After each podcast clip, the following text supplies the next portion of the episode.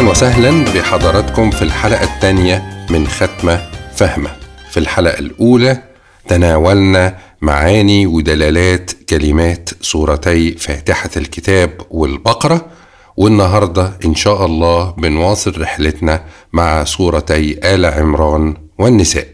معانا زي المرة اللي فاتت وزي ما هيبقى معانا طول الشهر بإذن الله الدكتور سيد نجم الحاصل على الدكتوراه في التفسير وعلوم القرآن من جامعة الأزهر والأستاذ بجامعة المدينة. أهلا وسهلا بحضرتك دكتور سيد. أهلا وسهلا بجميع المستمعين الكرام ونبدأ حلقتنا مع سورة آل عمران. وفي بدايات سورة آل عمران يعني تحديدا في الآية سبعة بنلاقي آيات محكمات هن أم الكتاب وأخر متشابهات.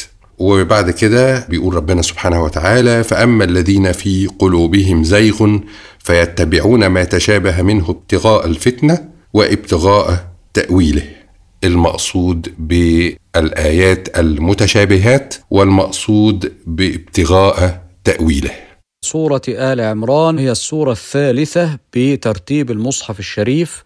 سورة مدنية سميت سورة آل عمران لذكر آل عمران فيها. وفيها قول الله تبارك وتعالى هو الذي أنزل عليك الكتاب منه آيات محكمات هن أم الكتاب وأخر متشابهات. والذي أنزل عليك أيها النبي القرآن منه آيات واضحة الدلالة لا لبس فيها هي أصل الكتاب ومعظمه وهي المرجع عند الاختلاف. وأخر متشابهات أي آيات أخر محتملة لأكثر من معنى يلتبس معناها على أكثر الناس. فأما الذين في قلوبهم زيغ يعني ميل عن الحق فيتركون المحكم ويأخذون بالمتشابه المحتمل يبتغون بذلك إثارة الشبهة وإضلال الناس. ويبتغون بذلك تأويلها بأهوائهم على ما يوافق مذاهبهم الفاسدة. هو الذي أنزل عليك الكتاب منه آيات محكمات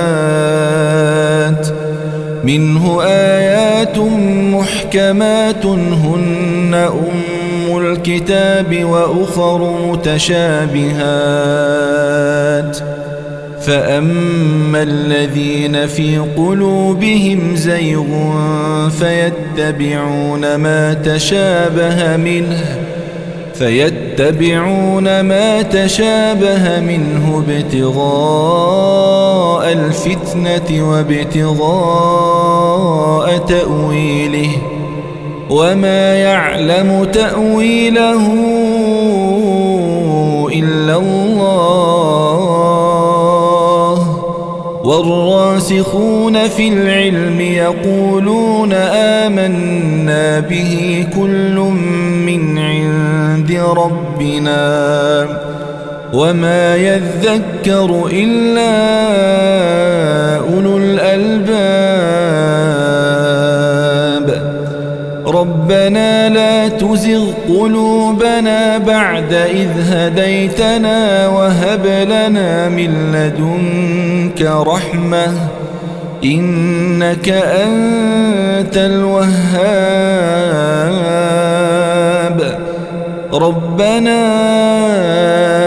إنك جامع الناس ليوم لا ريب فيه إن الله لا يخلف الميعاد. بعد كده بنمشي في القراءة في آيات سورة آل عمران لحد ما نوصل للآية رقم 39 وفي الآية 39 في وصف لسيدنا يحيى عليه السلام. الوصف ده بيجي أثناء تبشير الملائكة لسيدنا زكريا بقدوم يحيى كولد له بعد طول انتظار. لكن في الوصف ده بيلفت نظرنا كلمة حصورا. فما هو المقصود بكلمة حصورا في وصف سيدنا يحيى عليه السلام؟ يقول الله تعالى فنادته الملائكة وهو قائم يصلي في المحراب أن الله يبشرك بيحيى مصدقا بكلمة من الله وسيدا وحصورا ونبيا من الصالحين. هذا لما دعا سيدنا زكريا عليه السلام ربه قال رب هب لي من لدنك ذرية طيبة إنك سميع الدعاء. هنا نادته الملائكة وهو قائم يصلي في المحراب. آه، نادته الملائكة مخاطبا له وهو في حال قيامه للصلاة في مكان عبادته بقولها إن الله يبشرك بولد يولد لك اسمه يحيى. من صفة هذا الولد أن يكون مصدقا بكلمة من الله وهو عيسى بن مريم أنه خلق خلقا خاصا بكلمة من الله. ويكون هذا الولد سيدا على قومه في العلم والعبادة. وحصورا ما معنى حصورا؟ حصورا أي مانعا نفسه وحابسها عن الشهوات ومنها قربان النساء. متفرغا لعبادة ربه ويكون أيضا نبيا من الصالحين. جزا الله حضرتك خيرا على الشرح والتوضيح. نوصل للآية 75 في سورة آل عمران وفيها ذلك بأنهم قالوا ليس علينا في الأميين سبيل. فما المقصود بالأميين في الآية الكريمة؟ وتوضيح لمعنى العبارة على بعضها يعني مين هم الأميين ويعني إيه ليس علينا في الأميين سبيل؟ يقول الحق تبارك وتعالى ومن أهل الكتاب من إن تأمنه بقنطار يؤديه إليك ومنهم من إن تأمنه بدينار لا يؤديه إليك إلا ما دمت عليه قائما ذلك بأنهم قالوا ليس علينا في الأميين سبيل ويقولون على الله الكذب وهم يعلمون. ومن أهل الكتاب من إن تأمنه على مال كثير يؤدي إليك ما ائتمنته عليه. ومنهم من إن تستأمنه على مال قليل حتى لا يؤدي إليك ما ائتمنته عليه إلا إن ظللت تلح عليه بالمطالبة والتقاضي. ذلك من أجل قولهم وظنهم الفاسد ليس علينا في الأميين أي العرب. ليس علينا في العرب وأكل أموالهم إثم لأن الله بزعمهم أباحها لنا. يقولون هذا الكذب وهم يعلمون افتراءهم على الله سبحانه وتعالى.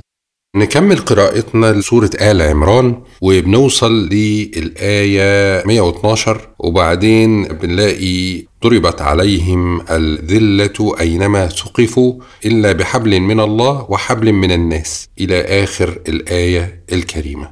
لو ممكن حضرتك تلقي لنا ضوء على الآية دي وبالذات نقطة إيه المقصود بحبل من الله وحبل من الناس؟ ضربت عليهم الذلة أي جعل الهوان والصغار محيطا باليهود مشتملا عليهم أينما ثقفوا أي أينما وجدوا فلا يأمنون إلا بعهد أو أمن من الله تعالى أو من الناس.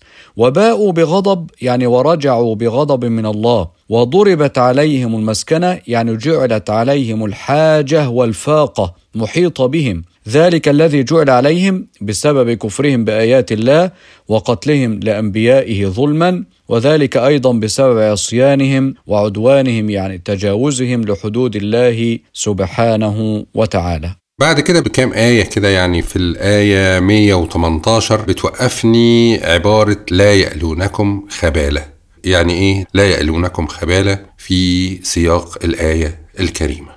في الآية 118 من سورة آل عمران نداء من الله تبارك وتعالى للمؤمنين. يا أيها الذين آمنوا لا تتخذوا بطانة من دونكم لا يألونكم خبالا. يا أيها الذين آمنوا بالله واتبعوا رسوله لا تتخذوا بطانة يعني لا تتخذوا أخلاء وأصفياء من غير المؤمنين. تطلعونهم على أسراركم وخواص أحوالكم. فهم لا يألونكم خبالا يعني لا يقصرون في طلب مضرتكم وفساد حالكم ويتمنون حصول ما يضركم ويشق عليكم. قد ظهرت البغضاء قد ظهرت الكراهية والعداوة على ألسنتهم بالطعن في دينكم والوقيعه بينكم وإفشاء أسراركم وما تكتمه صدورهم من الكراهية أعظم. وربنا سبحانه وتعالى بين لنا في هذه الآية قد بينا لكم أيها المؤمنون البراهين الواضحة على ما فيه مصالحكم في الدنيا والآخرة إن كنتم تعلمون. فقوله تعالى لا يألونكم خبالا يعني لا يقصرون في إفسادكم. الخبال هو الإفساد. وهم لا يقصرون أن يفسدوا حياتكم وأن يفقروكم وأن يذلوكم وأن يحبطوا مسعاكم وأن يفسدوا أبناءكم ولا يقصرون في إفسادكم وفي تدمير حياتكم وفي اجتياح أراضيكم وفي تفرقتكم وفي منعكم من إصلاح ذات أنفسكم.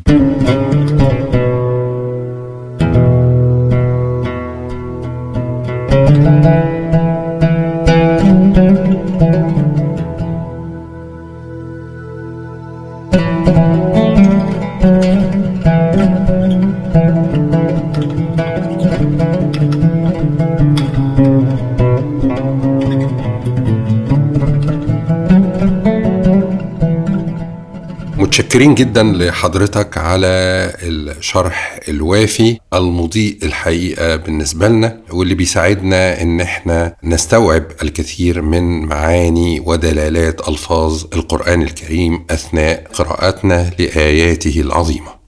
الحقيقة سورة آل عمران مكملة معانا بشكل واضح وألفاظ معتادة لنا في لغتنا اليومية لكن أنا حابب قبل ما نقفل الكلام عليها نستمتع ونستفيد وتطمئن قلوبنا بدعاء جميل موجود قرب نهاية السورة زي ما ختمنا كلامنا عن سورة البقرة بالدعاء الجميل الموجود في خواتمها.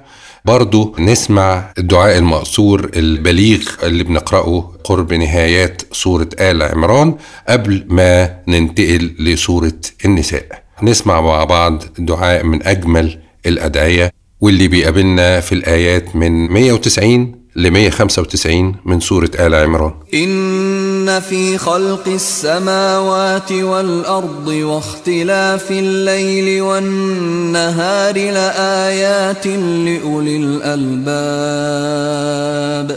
الذين يذكرون الله قياما وقعودا وعلى جنوبهم ويتفكرون.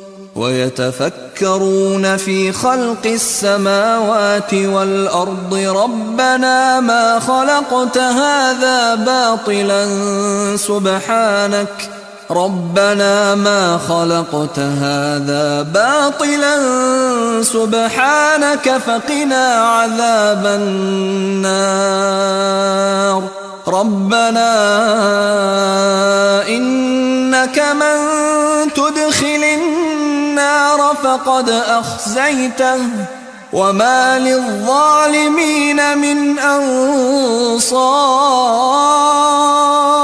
ربنا إننا سمعنا مناديا ينادي للإيمان أن آمنوا بربكم فآمنا ربنا فاغفر لنا ذنوبنا وكفر عنا سيئاتنا وتوفنا مع الأبرار.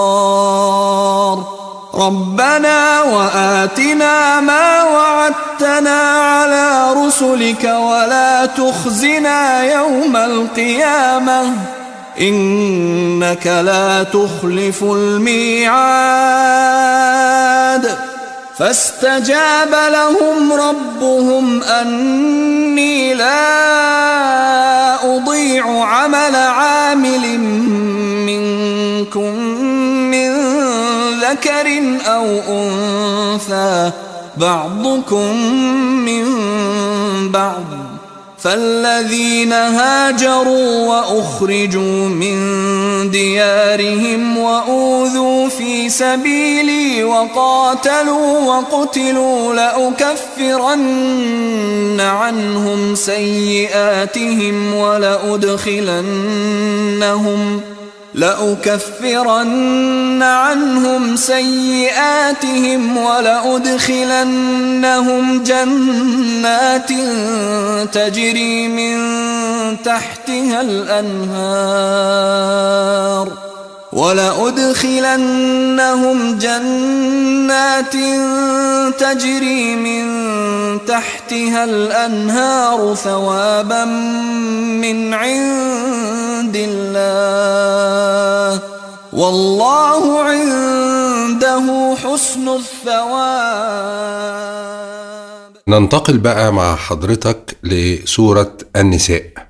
وفي أوائل سورة النساء خالص في الآية الرابعة نقرأ قوله تعالى وآتوا النساء صدقاتهن نحلة. إيه المقصود هنا؟ سورة النساء هي سورة تنظم المجتمع المسلم وتبني علاقاته وسميت بذلك لكثرة الحديث فيها عن النساء وحقوق النساء. وآتوا النساء صدقاتهن نحلة. يعني إيه الكلام ده هذا خطاب للأولياء أو للأزواج كما هو في بعض كتب التفسير. وآتوا النساء يعني أعطوا النساء مهورهن عطية واجبة. نحلة يعني عطية واجبة. فإن طابت نفوس النساء بشيء من المهر لكم بلا إكراه فخذوه سائغا أو كلوه سائغا لا تنغيص فيه. بعدها على طول الآية رقم ستة. ربنا سبحانه وتعالى بيقول ولا تأكلوها إسرافا وبدارة. فيعني إيه إسرافا وبدارة ومعنى الآية الكريمة كلها على بعضها؟ قول الله تبارك وتعالى في سورة النساء وابتلوا اليتامى حتى إذا بلغوا النكاح فإن آنستم منهم رشدا فادفعوا إليهم أموالهم. وابتلوا اليتامى يعني اختبروهم أيها الأولياء. اختبروا اليتامى إذا وصلوا سن البلوغ بإعطائهم جزء من مالهم يتصرفون فيه. فإن أحسنوا التصرف فيه وتبين لكم رشدهم فسلموا إليهم أموالهم كاملة غير منقوصة. ولا تأكلوا أموالهم أموال اليتامى يعني متجاوزين الحد الذي أباحه الله لكم من أموالهم عند الحاجة. ولا تبادروا بأكلها خشية أن يأخذوها إذا بلغوا. ومن كان منكم له مال يغنيه فليستعفف يعني يمتنع عن الأخذ من مال اليتيم. ومن كان منكم فقيرا لا مال له فليأكل بقدر حاجته. آه فالمقصود يعني لا تأكلوها إسرافا يعني عدم أكل اليتيم. لا من باب التجاوز على حقهم ولا من باب المبادرة بأخذ الأموال دي خوفا من إن هم يسيئوا استعمالها. ما نسبقش يعني ونحرمهم منها خوفا من إن هم يضيعوها. أو خوفا من إن هم يكبروا وياخدوا فلوسهم وحقوقهم يعني. في طبعا وعيد شديد في القرآن الكريم تحذير من أكل مال اليتيم وكذلك في الأحاديث الشريفة الصحيحة. طبعا من الأحكام الشهيرة في سورة النساء أحكام المواريث وفيها تفاصيل بالغة الدقة وبالغة العظمة وبالغة التحديد في المواريث. وهي ماشية مفهومة بألفاظ معتادة بالنسبة لنا لحد ما بيقابلنا لفظ كلالة. فممكن ناس كتير ما بيبقوش فاهمين معنى كلمة كلالة وهي تكررت أكثر من مرة في السورة الكريمة. فلو ممكن حضرتك تتفضل علينا بعلمك في هذه المسألة. قول الله تبارك وتعالى وإن كان رجل يورث كلالة أو امرأة طيب إيه معنى الآية؟ سبب نزولها إيه الأول؟ سبب نزولها مأخوذ من حديث سيدنا جابر بن عبد الله. إن الآية نزلت فيه ولم يكن له يوم نزولها أب ولا ابن. كانش عنده لا أب ولا ابن. لأن أبوه سيدنا عبد الله بن حرام قتل يوم أحد. وآية الكلالة دي نزلت في آخر عمر النبي عليه الصلاة والسلام. فصار طبعا شأن سيدنا جابر بيان لمراد الآية لنزولها فيه. طب إيه هي الكلالة؟ الكلالة يعني ذهب بعض العلماء إلى أن الكلالة من لا ولد له ولا والد. لا عنده ولد ولا عنده والد. ولذلك سئل أبو بكر الصديق رضي الله عنه عن الكلالة فقال إني سأقول فيها برأيي فإن كان صوابا فمن الله وإن كان خطأ فمني ومن الشيطان. أراه ما خلا الوالد والولد. فلما جه عهد سيدنا عمر بن الخطاب رضي الله عنه قال إني لأستحي من الله أن أرد شيئا قاله أبو بكر رضي الله عنه وأرضاه.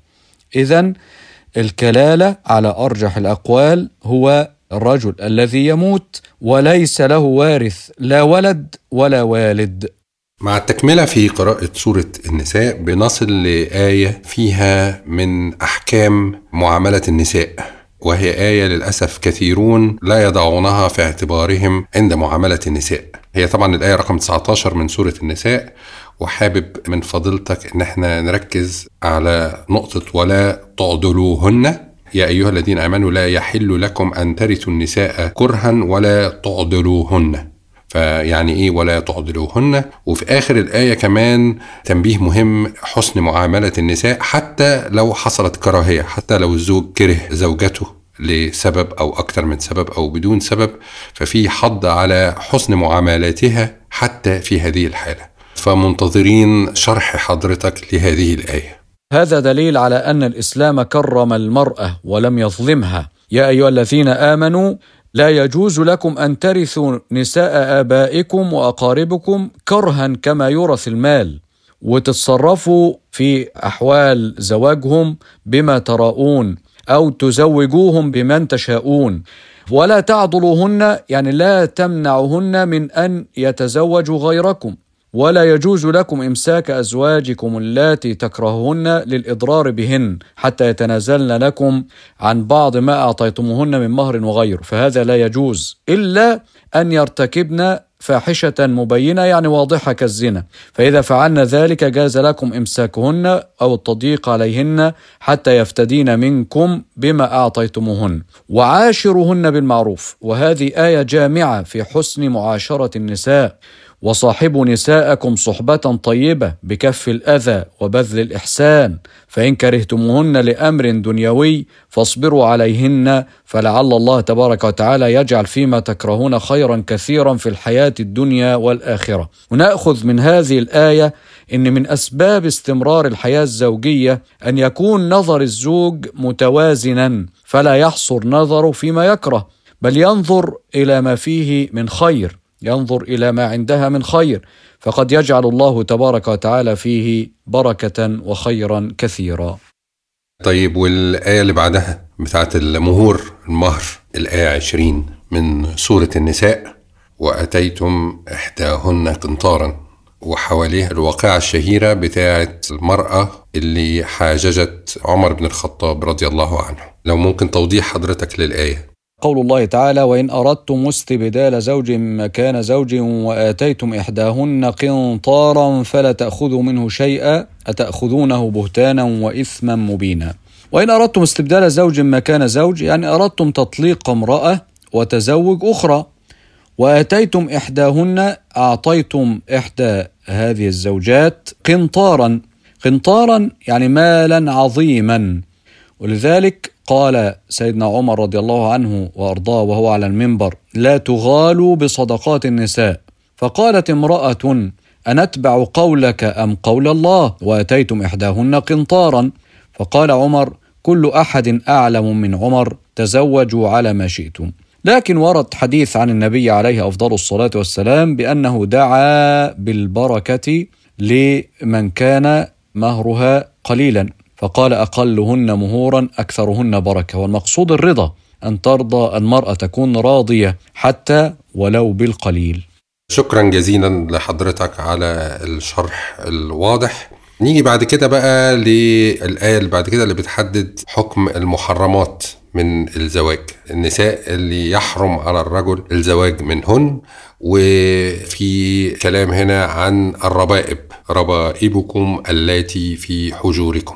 فلو ممكن حضرتك تكلمنا عن المقصود بالربائب في سياق الآية الكريمة. ودي الآية اللي هنختم بيها شرح معاني الجزء الرابع من القرآن الكريم. وندخل بعدها على الجزء الخامس. ربنا في بداية السورة ذكر ما يحل من النساء. فانكحوا ما طاب لكم من النساء مثنى وثلاث ورباع الآية دي. وبعدين هنا في هذه الآية ذكر المحرمات الباقيات وهن سبع من النسب وسبع من السبب. سبع من النسب اللي حرمت عليكم أمهاتكم وبناتكم وأخواتكم وعماتكم وخالاتكم وبنات الأخ وبنات الأخت إلى آخر الآية. وفي قول الله تعالى وربائبكم اللاتي في حجوركم من نسائكم اللاتي دخلتم بهن. الربائب جمع ربيبة وهي بنت المرأة. إن الراجل مثلا يتزوج امرأة والمرأة دي لها بنت فيحرم على الرجل إن هو يتجوز بنتها. سميت ربيبة لتربيته إياها وقوله في حجوركم يعني في تربيتكم. يقال فلان في حجر فلان إذا كان في تربيته. دخلتم بهن يعني جامعتموهن ويحرم عليه أيضا بنات المنكوحة وبنات أولادها.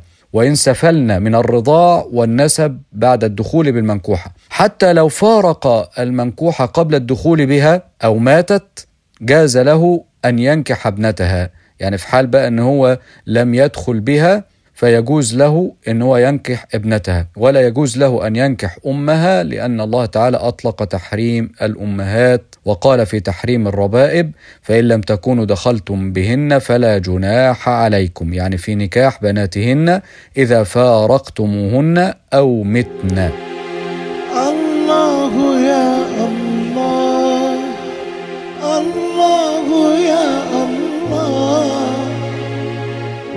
الله يا الله يا الله.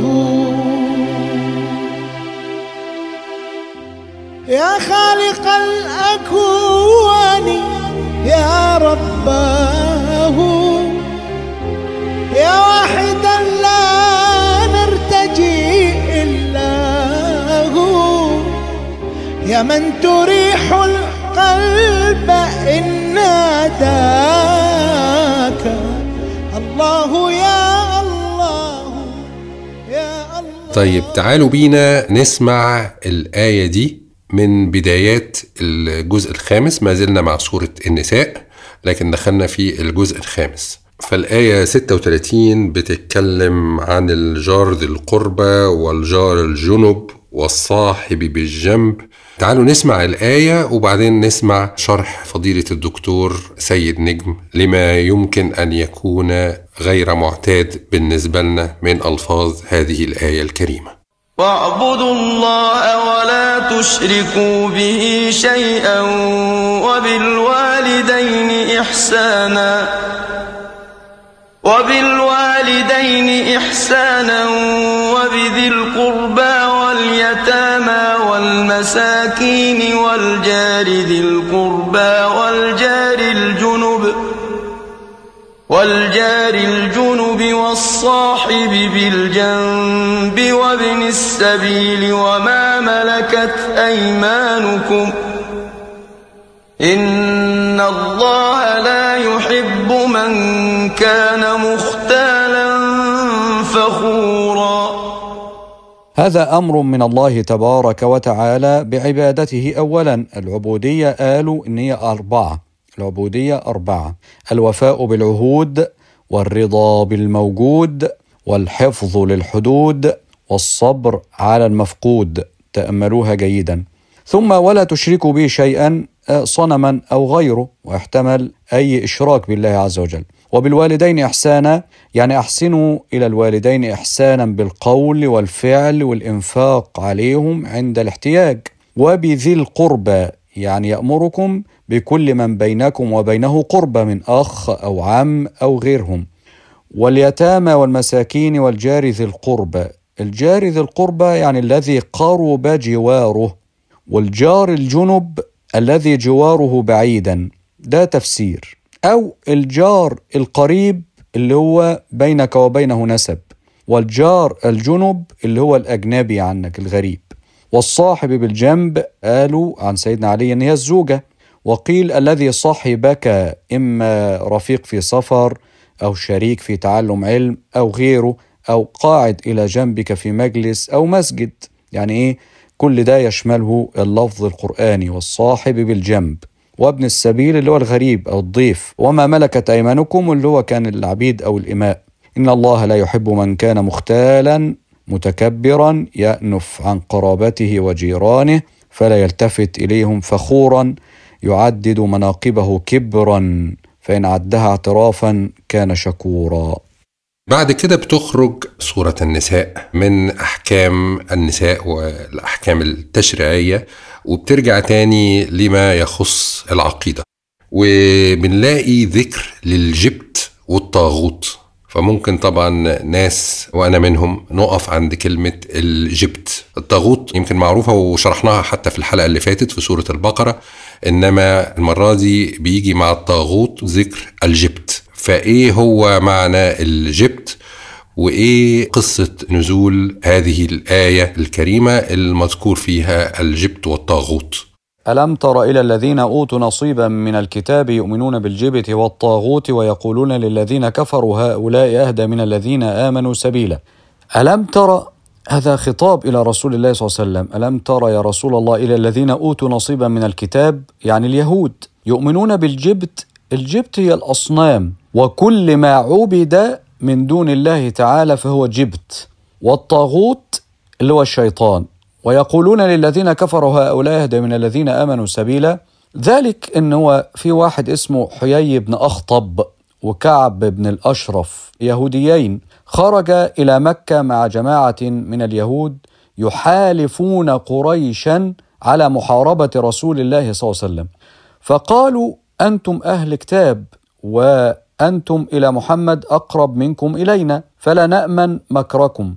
فاسجدوا لآلهتنا حتى نطمئن إليكم. ففعلوا فهذا إيمانهم بالجبت والطاغوت لأنهم سجدوا للأصنام وأطاعوا إبليس عليه فيما فعلوا.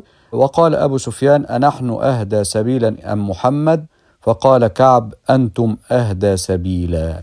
لما بنوصل للآية 71 في سورة النساء بنرى نداء من الله سبحانه وتعالى للمؤمنين بيقول لهم خذوا حذركم فانفروا ثباتا أو انفروا جميعا. يعني إيه ثباتا؟ ولو ممكن نسمع شرح حضرتك. الأول خذوا حذركم الحذر والحذر بمعنى واحد وهو أنك تتيقظ وتاخد حذرك. فانفروا ثبات يعني اخرجوا إلى العدو جماعات متفرقة سرية بعد سرية. فالثبات يعني الجماعات واحدها ثبة. أو انفروا جميعا يعني مجتمعين أو مع النبي عليه الصلاة والسلام. بعد كده بنطلع شوية قدام في القراءة في سورة النساء. وبرضو لو ممكن نستزيد من علم حضرتك فيما يخص الآية 83 من السورة لأن أعتقد أن في قصة برضو وراء الآية دي. ربنا سبحانه وتعالى بيقول فيها وإذا جاءهم أمر من الأمن أو الخوف أذاعوا به. ولو ردوا إلى الرسول وإلى أولي الأمر منهم لعلمه الذين يستنبطون منهم إلى آخر الآية. يعني إيه؟ إذا جاءهم أمر من الأمن أو الخوف أذاعوا به. وإذا كان ممكن تتكرم علينا بالقصة اللي خلف هذه الآية أو سبب في نزولها. النبي عليه الصلاة والسلام كان بيبعث السرايا فإذا غلبوا أو غلبوا المنافقون يبادروا ويخبروا عن أحوال النبي عليه الصلاة والسلام يعني سواء غلب أو غلبوا فيفشونه ويحدثون به قبل أن يحدث به رسول الله صلى الله عليه وسلم فيضعفون به قلوب المؤمنين. فأنزل الله تعالى وإذا جاءهم يعني المنافقين أمر من الأمن يعني أي الفتح والغنيمة أو الخوف والقتل والهزيمة. أذاعوا به أشاعوه وأفشوه ولو ردوه إلى الرسول إلى رأيه ولم يحدثوا به حتى يكون النبي عليه الصلاة والسلام هو الذي يحدث به. وإلى أولي الأمر منهم أي ذوي الرأي من الصحابة زي سيدنا أبو بكر الصديق وزي سيدنا عمر وزي سيدنا عثمان وسيدنا علي رضي الله عنهم جميعا. لعلمه الذين يستنبطونه منهم أي يستخرجونه وهم العلماء. أي علموا ما ينبغي أن يكتم وما ينبغي أن يفشى. ما زلنا مع المنافقين والآية 88 وفي كلمة برضو غير معتادة بالنسبة لنا أركسهم. والله أركسهم بما كسبوا. يعني إيه الله أركسهم؟ وبرضو هل في سبب معين أو حادث وراء نزول هذه الآية الكريمة؟ قول الله تعالى فما لكم في المنافقين فئتين والله أركسهم بما كسبوا. الأول اختلفوا في سبب نزول الآية دي فقال بعضهم دي نزلت في الذين تخلفوا يوم أحب من المنافقين فلما رجعوا قال بعض الصحابة رضي الله عنهم للرسول صلى الله عليه وسلم اقتلهم فإنهم منافقون والبعض الآخر من الصحابة قال لا اعف عنهم فإنهم تكلموا بالإسلام ورأي تاني بيقول إن هما الآية نزلت في قوم خرجوا إلى المدينة وأسلموا ثم ارتدوا واستأذنوا النبي عليه الصلاة والسلام إلى مكة ليأتوا ببعض البضائع يتجرون فيها فخرجوا وأقاموا بمكة يعني ما رجعوش. فاختلف المسلمون فيهم فبعضهم يقول ان هم منافقون والآخر بيقول لا ده مسلمين مؤمنين. ورأي تالت بيقول انها نزلت في ناس من قريش قدموا المدينة وأسلموا ثم ندموا على ذلك ندموا على إسلامهم. فخرجوا على هيئة المتنزهين حتى بعدوا جدا عن المدينة فكتبوا إلى النبي صلى الله عليه وسلم يعني إن على الذي فارقناك عليه من الإيمان. ولكن يعني إحنا كرهنا المدينة واشتقنا إلى أرضنا فلما خرجوا في تجارة لهم نحو الشام بلغ ذلك المسلمين فقال بعضهم نخرج إليهم فنقتلهم والآخر قال لا ده هم مسلمين فربنا سبحانه وتعالى بيقول للصحابة فما لكم يا معشر المؤمنين في المنافقين فئتين يعني صرتم فيهم فئتين يعني فرقتين فريق بيقول مؤمنين وفريق بيقول لا منافقين. والله أركسهم يعني نكسهم وردهم إلى الكفر بما كسبوا بأعمالهم غير الزاكية. أتريدون أن تهدوا ترشدوا من أضل الله؟ يعني من يضلل الله فلا هادي له.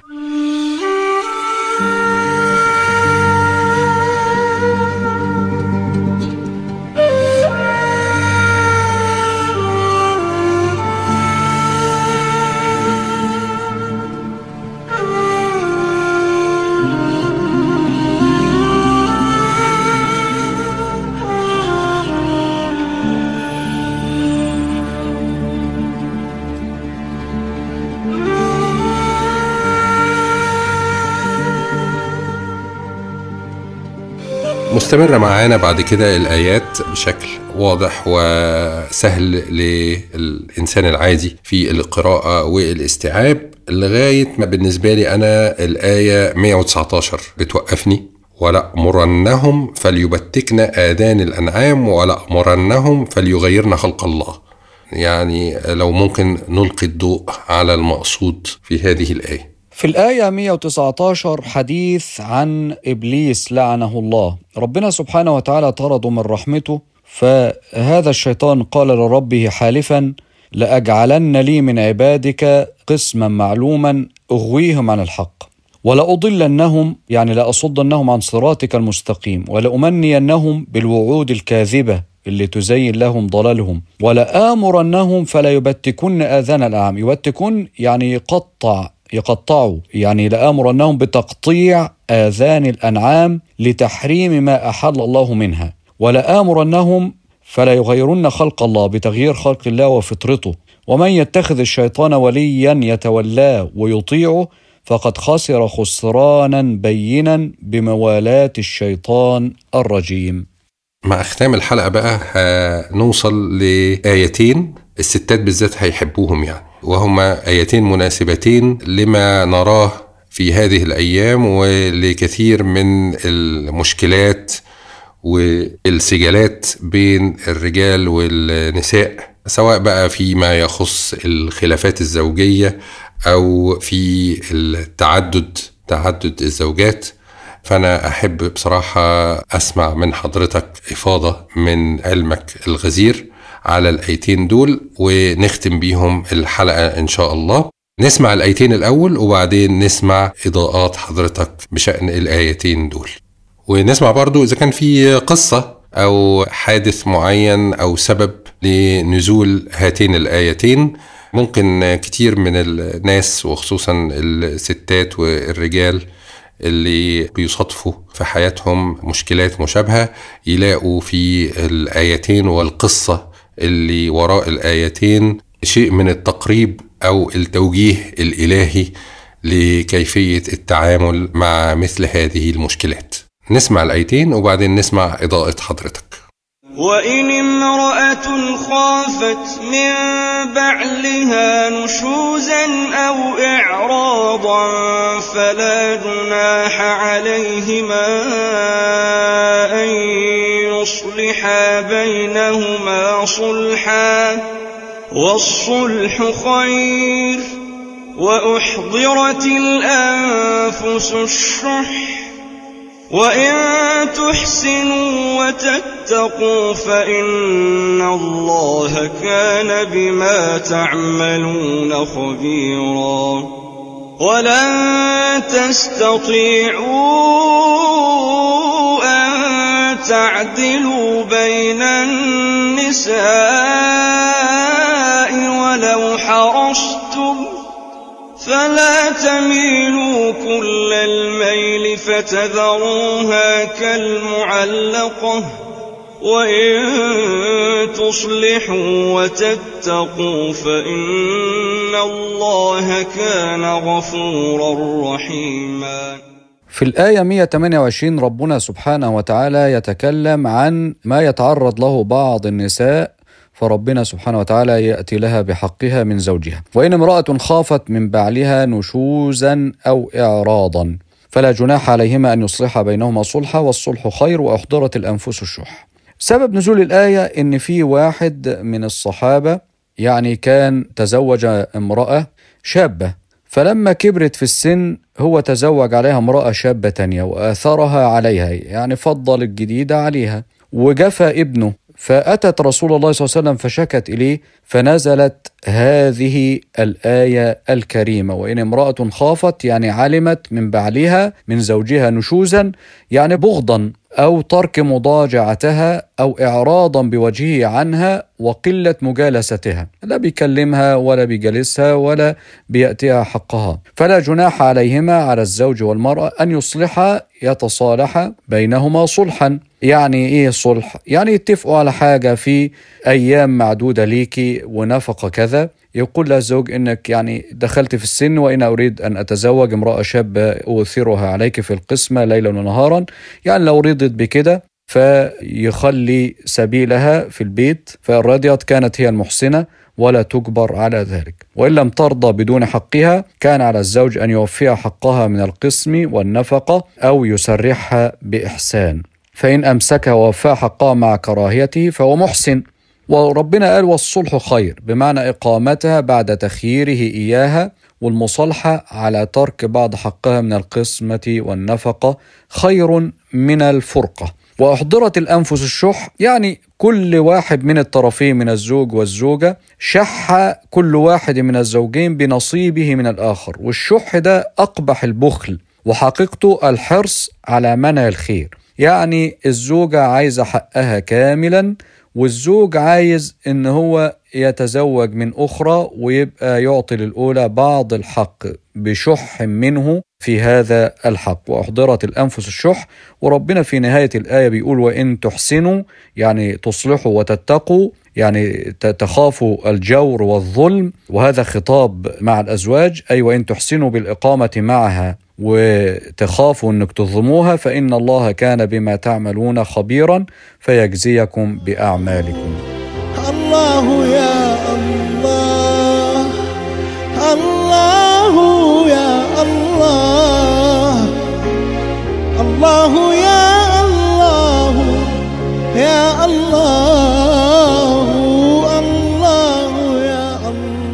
بكده نكون وصلنا مع حضراتكم لختام الحلقة الثانية من ختمة فهمة اللي بنعيش معاها طول شهر رمضان المبارك السنة دي بإذن الله.